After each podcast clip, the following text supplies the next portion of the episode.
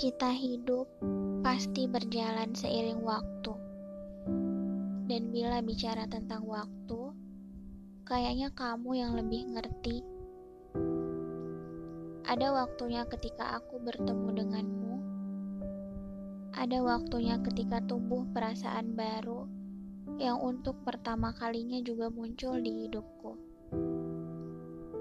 Ada waktunya ketika aku sadar bahwa Perasaan ini lebih baik kusimpan saja.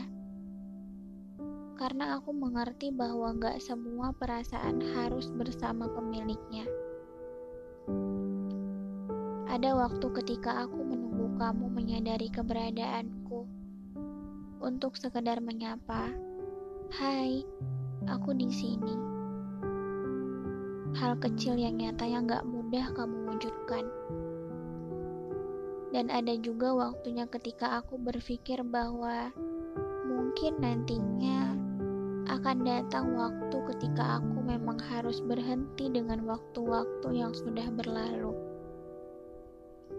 Dengan harapan semua yang sudah jadi kemarin bisa menjadi doa di masa depan. Tapi waktu berjalan, aku mungkin bisa Hatiku mungkin sanggup, tapi tidak dengan hidupku.